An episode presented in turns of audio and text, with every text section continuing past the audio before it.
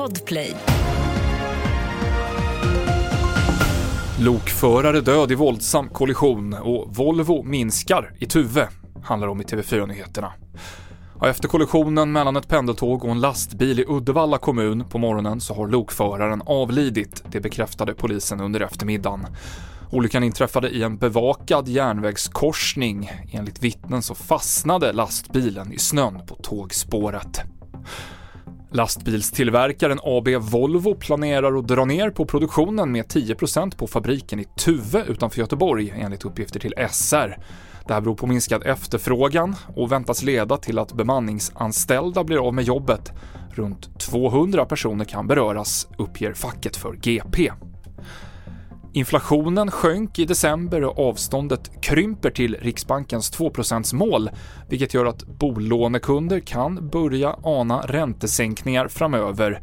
Men det finns även orosmoln. På en presskonferens idag varnade finansministern för att det blir ett år med ytterligare konkurser, ett utsatt läge för regionerna och fler kan komma att bli arbetslösa.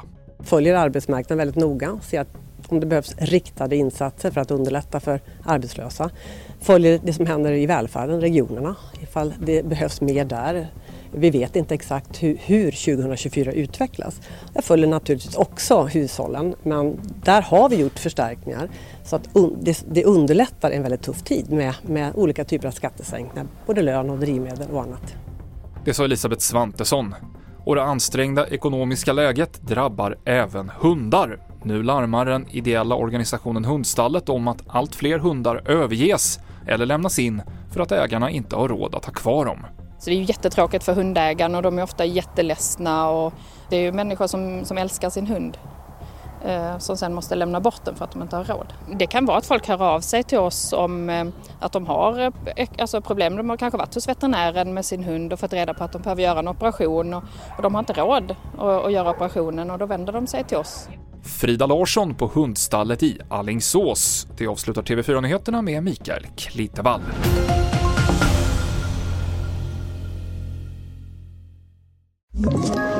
Ett poddtips från Podplay.